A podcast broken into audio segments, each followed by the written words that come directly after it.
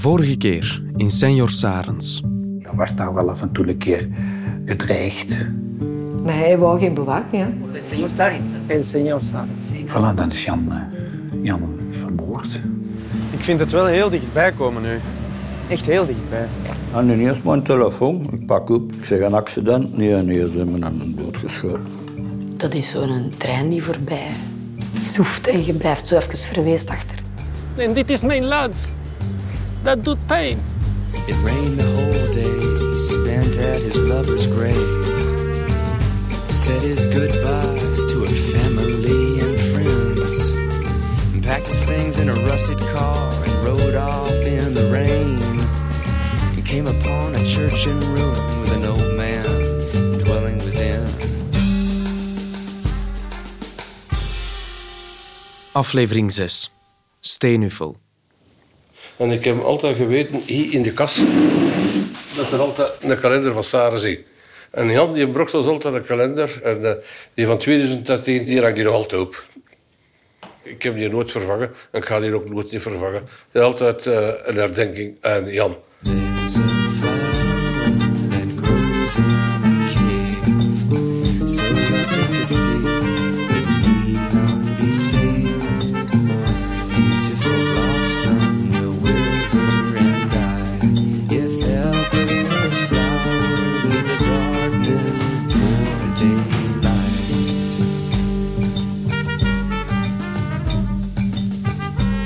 Even terug naar Mexico.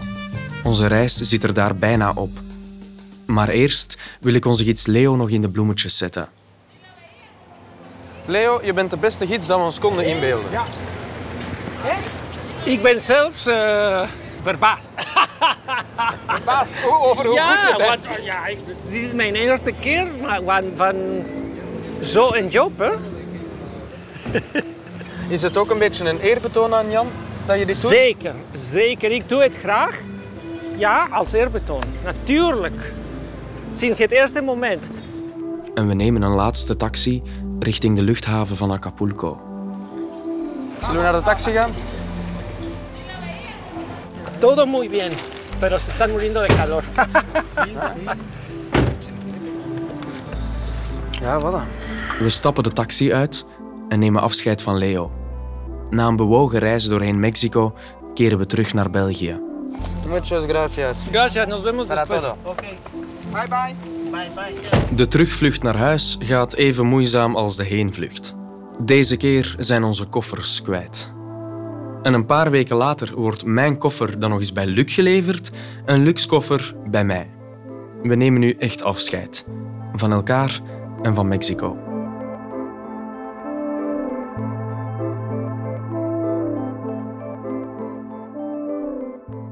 Onze reis zit er definitief op. Maar voor Silke, Rut en Lien begint op zondag 24 februari 2013 de laatste reis naar hun vader.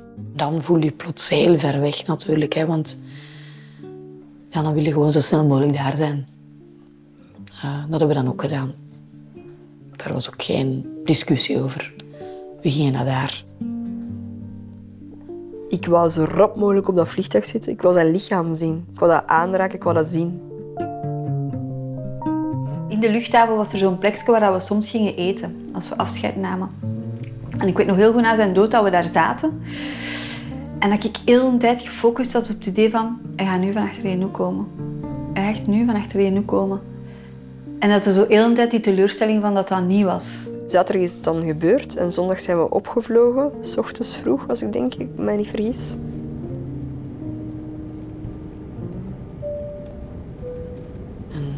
Frank Mortier heeft ons vergezeld. Silke, Lien en Ruud kunnen voor de rest van hun leven op mij rekenen in die zin. En ik had dat ook aan Jan beloofd. Ja.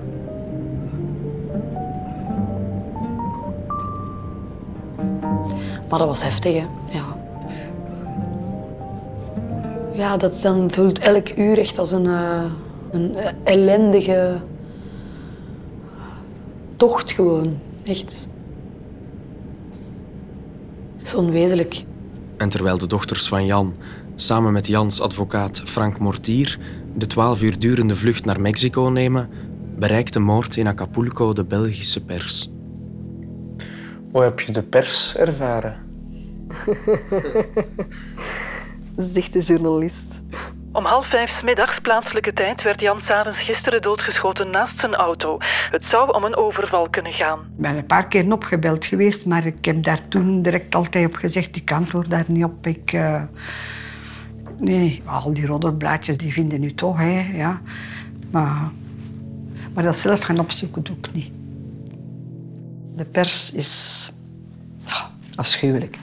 Ik heb direct een telefoon gehad van een journalist. Want ja, dat is natuurlijk voer. Maar ja, die, die, zijn dochters waren dat niet en dat is gerespecteerd geweest. Hè.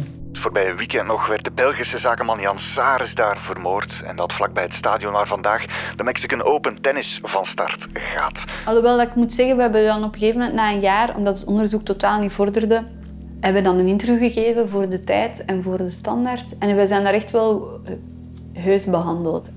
Dus allee, ik wil echt helemaal niet alles over één kam scheren.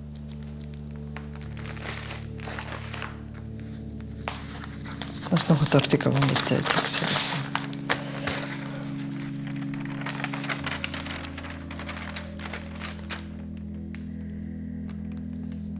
En vond je dat moeilijk om die krantartikels te zien? Ja. Je, wilt dat zien, maar je wilt dat eigenlijk niet zien.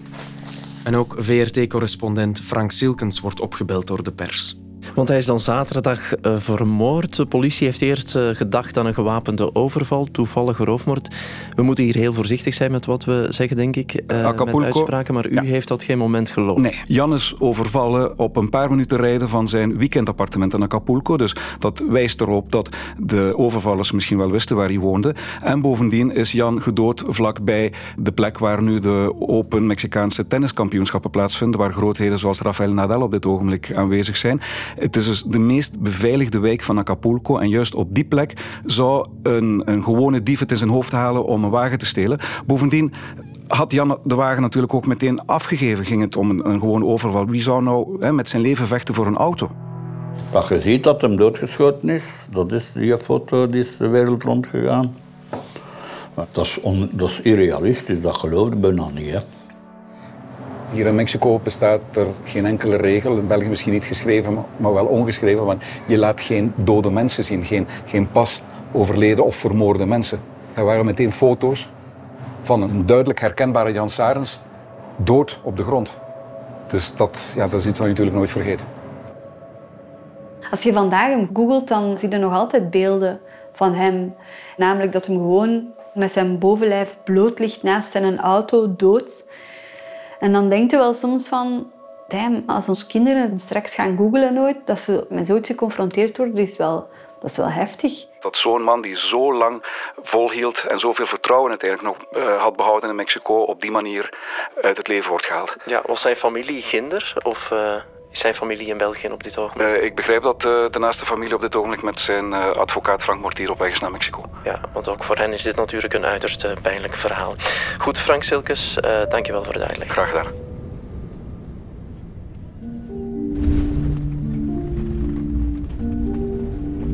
Jans dochters komen na een lange vlucht aan in Mexico. En dan moesten we eerst nog langs politiekantoor. Maar bij mij was het vooral te doen, ja, allemaal die administratieve rompslomp, het kan me niet schelen. Ik wil vooral dat lichaam zien. Dat heeft nog wel even geduurd. Ja, en ik denk pas op het moment dat we hem echt zagen in het lijkenhuis, dat, dan pas drong het echt door dat hem dood was. Als hem daar opgebaard lag in een, eh, op een plek waar, dat, ja, waar dat we zijn lichaam konden vinden zien. Dat is blijkbaar volgens een of andere Mexicaans ritueel dat ze dat niet verkoeld kunnen doen door een of andere balseming van zijn lichaam. Dus dat zijn lichaam nog niet echt koud-koud aanvoelde. En ehm, ik herinner me nog zo dat we daar met ons drie rond zijn lichaam stonden en dat we precies met hem aan het praten waren, alsof dat hij nog levend was. En dat was wel heel emotioneel, maar ook wel heel mooi ergens of zo. Ja. Nadat Lien, Ruud en Silke het lichaam van Jan hebben gezien, vertrekken ze naar het buitenverblijf van hun vader. En dan zit je daar ik weet nog heel goed een beeld ook dat wij met ons drieën zitten in het appartement in Acapulco. En dan moesten wij plots zo zijn leven bij elkaar halen. Ik weet ook zo bijvoorbeeld nog, in de wasmand zaten dan nog zo van die hemden. Dat hem 's morgens dan nog in de wasmand had gegooid. En zijn geur zat daar nog heel hard in. En zijn portefeuille met onze foto in. Het was echt een zeer, zeer verouderde foto. Bedachten wij ons toen ook nog van, amai. Maar had het wel mee, vond het wel mooi. Ja, zo dat tastbare. Hè. Ik belde ook heel vaak naar zijn voicemail. Omdat ik zijn stem wou horen, denk ik. Of misschien omdat ik zo ergens hoopte dat hem zou pakken.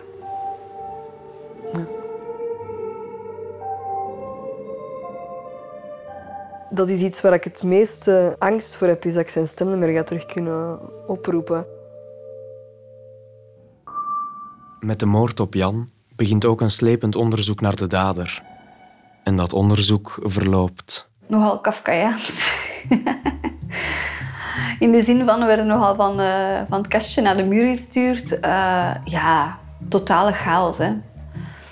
Kwamen dan, we kwamen dan in contact met iemand die dan eh, onze eerste getuigenissen moest noteren en die kon eigenlijk amper deftig typen. En ook de taal, dat is ook zo.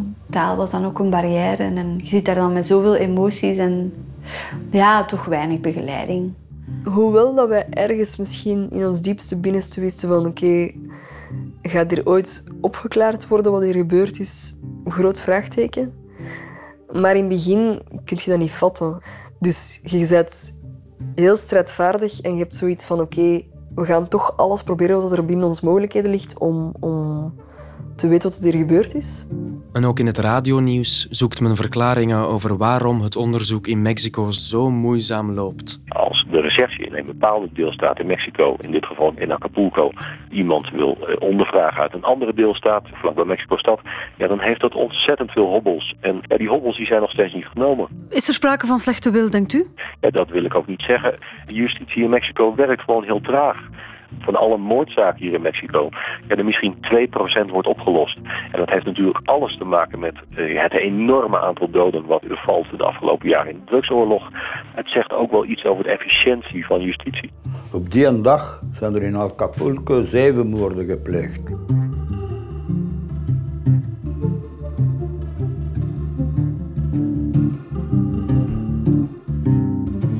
Ik ploeter door de vele nieuwsfragmenten en krantenartikels. Familie vraagt minister om hulp, zie je. Misschien ook al gezien. Hoofdverdachte is zelfs nog niet ondervraagd. Nee. Een half jaar later. Natuurlijk, die kleinere deelstaten, daar belanden zo'n dingen gemakkelijker in de doofpot. We hebben alles destijds ingezet om de zaak te federaliseren. Dus in die zin over te hevelen naar Mexico City. Omdat we eigenlijk wisten dat er veel meer grond zou zijn daar dan in Acapulco.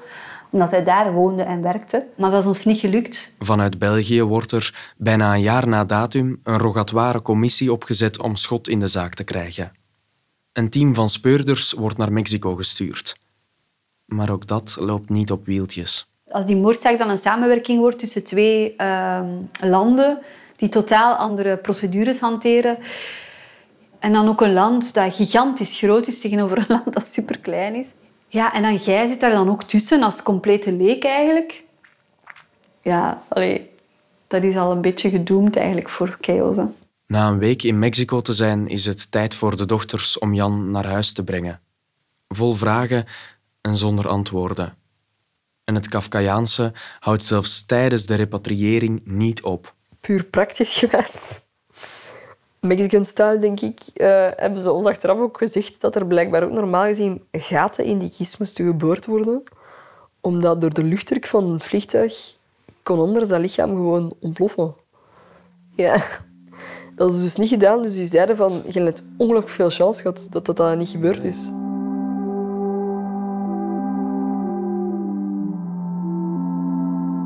Sinds de moord op Jan verschilt de perceptie op Mexico enorm binnen de familie Sarens. Enerzijds heb je de broers en zussen. Zelfs Mexicaans eten, dat kan mij niet smaken. Dat is heel raar. vond het een heel mooi land als ik er geweest ben. Ik vond het een heel mooie ervaring. Maar nu kan ik daar echt niet meer naartoe. Nee, dat land doet me zo'n pijn. Dat is zo erg wat daar gebeurd is. Nee. Dat is fout van mij, ik weet dat wel, maar het is zo. ja. Als er nu wel iets is op tv van Mexico, ik kijk weg. Ja? Ja. Ik, eh, ik meet dat. Dat raakt mij te veel. Dat verbindt mij te veel aan de manier waarop ons Jan gestorven is. Ja, ik wil dat Mexico, dat woord, oh, dat is iets... nee. En nou heb ik echt geen goesting meer naar Mexico te gaan. Buurt. Ja, voor mij dat gaat kwaad te maken. Echt niet, ja. Zou je daar kwaad worden? Ja. Oh. Ik ben daar alle keer kwaad op op dat vent. Dat je voor, voor geld iemand laat vermoorden. Ja, het is niet bewijzen, hè, maar ja. Anderzijds heb je de dochters van Jan, die Mexico steeds meer omarmen na de dood van hun vader. Is uw beeld op Mexico veranderd? Nee, nooit. Ik heb daar goede herinneringen aan. Ja, ben daar dankbaar voor. Goh, mijn band met Mexico, ja, dat blijft onlosmakelijk verbonden met hem. Hè. Heel mijn leven lang. Hè. Als ik daar kom, ga ik altijd die associatie maken met hem. Maar het gekke is dat ik eigenlijk wel meer van die cultuur ben gaan houden na zijn dood. Want hij wilde ook dat we dat land beter leerden kennen. Ja, dat ik eigenlijk wel echt ook een soort van eh, liefde heb ontwikkeld voor die plek. Maar ik wil zeker nog, eh, zo, nog teruggaan. Ik denk, er zijn mensen met slechte bedoelingen zitten overal. En wie die mensen met slechte bedoelingen zijn bij de moord op Jan, weten we tien jaar na datum nog altijd niet. Van een dader is nog steeds geen sprake. Het ding is, we kunnen daar geen concrete uitspraken over doen, over de moord zelf, wie dat erachter zit, omdat er nooit concrete bewijzen zijn getroffen. Dus mijn antwoord, en dat ook van anderen rondom mij, gaat altijd een veronderstelling zijn. Zolang dat er geen concrete dingen op tafel liggen. Maar ja, dat er, dat er bij heel veel mensen een vermoeden leeft dat Ojeda mee achter de moord zit, ja, Dat is eerst daar geweest een bron voor die moord. hè. Ik denk niet dat je dat verder moet zoeken, maar ja, wat bewijzen zijn er? In het begin dacht ik zo van, ja, ooit gaan we dat weten. Er gaat ooit een keer iemand zich verklappen eigenlijk, die er meer van weet. Er zijn er ook andere pistes die zeggen ja, dat hij met een andere concurrent of zo in de clinch lag. Ik weet het niet en ik denk niet dat ik het ooit zal weten. Maar ja, nu, of dat er nu uitkomt of niet, alleen. Bij mij was dat tot op een bepaald punt dat ik gezegd heb, ik wil het niet meer weten, ze gaan het toch nooit weten. Alleen voor de kinderen, zo, die hebben het er heel moeilijk mee gehad dat ze niet weten waarom. moest er nog een heropleving komen van dat onderzoek en er iets uit voortkomen, ik zou wel blij zijn met het feit dat er daar vordering in komt en dat de juiste personen kunnen berecht worden op een bepaalde manier. Maar eigenlijk moet het d'office verder, of dat je het nu weet of niet. Ik heb nog altijd een heel groot gevoel van rechtvaardigheid. Er moet echt gerechtigheid komen. Dus dat is heel moeilijk. Ik, vind dat, ik kan dat heel moeilijk een plaats geven. Het feit dat dat onopgelost is. En dat we dat waarschijnlijk nooit gaan weten. Dat gaat een levenslange frustratie blijven, dat weet ik nu al. Ik heb voor mijn eigen altijd gezegd dat dat heel moeilijk moet zijn, denk ik, als ik ooit oog in oog met de opdrachtgever zou staan. Ik zeg altijd opdrachtgever, omdat ik geloof dat degene dat mijn vader heeft vermoord maar een kleine garnaal was. Ik geloof echt dat hij dat in opdracht heeft moeten doen. En ergens heb ik daar niet zo direct een wrok naartoe. Ik heb meer een wrok naar die andere persoon die dat gezegd heeft van oké, ik ontneem nu iemands vader, iemands grootvader, iemands broer. Gewoon dat iemand je broer dood wilt, dat is heel, heel akelig.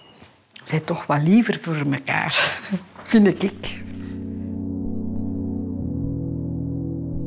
Een moord verjaart na 30 jaar. Hè, dus dochters willen daar het onderste uit de kan halen om te zien waarom is ons, ons vader vermoord. Maar er zijn zaken die nog onderzocht moeten worden, punt. Frank Silkens duidt waarom er tot op heden geen antwoorden zijn. Dat is nog altijd een open zaak. Want ook omdat men nu hier in Mexico op federaal niveau een nieuwe regering heeft die hij expliciet wil breken met heel wat misstanden in het verleden. Maar dan kom je natuurlijk op een ander punt, een, een, een moeilijk punt. Die zaak staat letterlijk op de wachtlijst. En dan zit je natuurlijk met, met een gerecht dat niet alleen slecht betaald vaak is, maar ook onderbemand. Hè? En die nieuwe regering wil ook laten zien van kijk, wij maken het verschil. Waar beginnen we het eerst mee? En om het een beetje cru te zeggen, dan is de zaak, ook al is het nog een open zaak van een vermoorde buitenlandse zakenman, niet, niet de topprioriteit op dit moment. Dus daarom raad ik ook de familie aan van geduld houden. Dit, dit kan nog wel opgelost worden, maar het, het zal niet snel gaan. Precies omdat er zoveel historische problemen zijn in Mexico die tegelijkertijd moeten aangepakt worden. Tijdens het maken van deze podcast kwamen er nieuwe elementen aan het licht in het onderzoek. En het scheelde niet veel of deze podcast kon niet gemaakt worden. Om het heropenen van de zaak niet te bemoeilijken, kan ik hierover dus ook geen informatie geven. Wie weet komt er ooit nog gerechtigheid. Zeg, als u iets komen zeggen, gaat dat je, ik ga dat wantrouwen. Omdat je Mexico wantrouwt. Maar dat is toch moeilijk om niet te, te kunnen Ja. weten. Ofwel moet je dat opzij zetten en ik heb dat gekund na een tijd. Ofwel, ja, blijf ermee leven en dat is bijna niet om te leven. Dus je moet voor je eigen moeten zeggen, ja, ze gaan dat toch nooit weten. Zijt realistisch, ze gaan dat toch. Sluit dat hoofdstuk af. Breng hem niet terug. Zo, dat is mijn redenering daarin. Ik weet, niet hoe dat, ah, ik weet niet eens hoe mijn zussen of mijn broers daarover denken, maar ik denk daar zo over. In het begin, als dat net gebeurd was, had ik heel hard de neiging om, om de dood uit te dagen. Ik zou dan misschien net nog iets harder op mijn gaspedaal hebben geduwd of zo. Maar op een bepaald moment stopte dat. En we zijn nu ook ondertussen bijna tien jaar verder. Het laat een leegte achter dat je nooit meer kunt opvullen. Ik weet dat Herman van Rompuy ooit zei over zijn eigen ouders. Als je ouders verliest, is dat alsof dat je het dak van je huis verliest. Ik heb een half dak verloren. Ik denk niet dat er ooit nog terug opnieuw een dakpan op gaat liggen. Maar als ik nu pessimistisch door het leven zal gaan, dan... Ja, dat, dat wil ik niet. Dat, dat kan ik niet. Dat zit niet in mij. Ik wil geen verbitterd persoon worden door die dingen.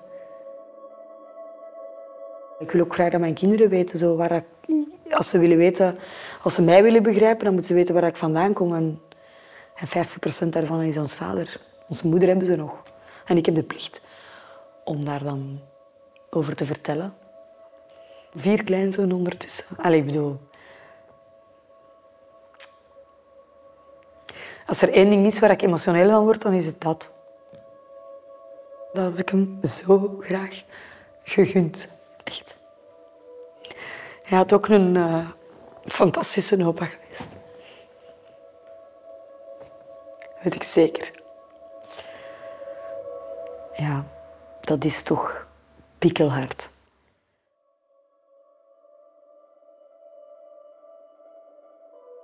Opa Mexico. Opa Mexico. Opa Mexico. Want weet je wat er gebeurd is met opa Mexico? Ja. Je mag dat zeggen.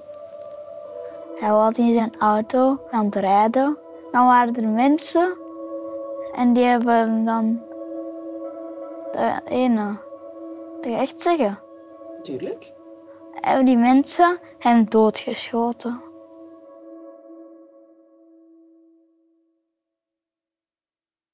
Het verhaal van Jan wordt doorgegeven aan de jongste Sarendse. De levenswandel van de avontuurlijke bon vivant uit Stenevel zal nog vele generaties naverteld worden. De familie wacht nog altijd op gerechtigheid. Denk je dat je hier naar gaat kunnen luisteren? Eh, misschien niet in één keer door uit. Maar ik ga er alleszins naar luisteren, mijn stukjes. Ja. Het zal met een lach en een traan zijn. Zo. Maar ik ga erin naar luisteren, ja. Want dat is iets tastbaar terug van ons Jan. Waar iedereen terug een keer zijn verhaal in kunnen doen heeft. En daar kijk ik naar uit. Dus dank u. Jullie bedankt. Jan wordt uiteindelijk begraven in Steenuffel. Ja, jammer. We hadden niet graag dat hem begraven werd. We hadden liever gehad dat hem gecremeerd zou worden. En onze kinderen gaan dan mee, die bevorderen natuurlijk, want die stellen allerlei van die vragen van, ligt hij daarin in zijn pyjama? En alleen zo kennen van die vragen. Hè. Dus dat bevordert het natuurlijk niet, want dan, ja, dan stelt u wel echt de vraag van, ja, die, die hoort hier gewoon niet. Hè. Tussen al die oude mensen en, uh, en onder een steen. Zou er moet leven ergens op de zee, moet zijn as moet ergens uh, meegevoerd worden met de wind. En, uh, ja, het was een wereldburger, dat moet hem teruggeven aan de wereld en niet aan de grond. Denk ik dan. Maar door het feit dat dat onderzoek nog liep, mochten we hem niet cremeren. En hebben we hem dus moeten begraven. En hij ligt eigenlijk met zijn gezicht naar de oude terreinen van Saris. Dat het lijkt alsof het hem uh, zelfs na de dood er nog altijd mee verbonden is. Dat hij nog altijd kan zien of dat er daar aan de hand is.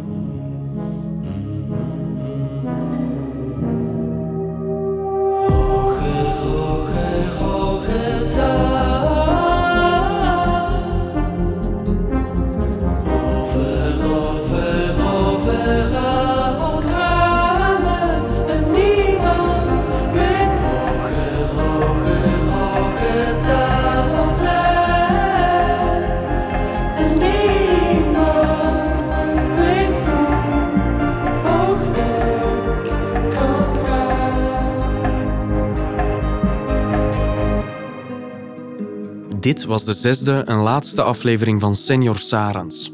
Een podcast van één, gerealiseerd door de Podcast Planet. Met dank aan de volledige familie Sarans. En in het bijzonder Silke, Ruud en Lien. Een enorme dankjewel ook aan Leo Carrillo, de man die ons meenam doorheen het prachtige Mexico. De realisatie van de reeks deed ik zelf, Achille van Ingelgem. De eindredactie gebeurde door Luc Hakens. De muziek was van Jérôme Pringer en het beeld werd gemaakt door Zwerm. De productie gebeurde door Max Lena van den Einde. De co-montage deed Rick Uilenbroek en Leander Leenders nam de postproductie voor zijn rekening. Een extra dankjewel ook aan Dietmar Goes voor het luisterend oor.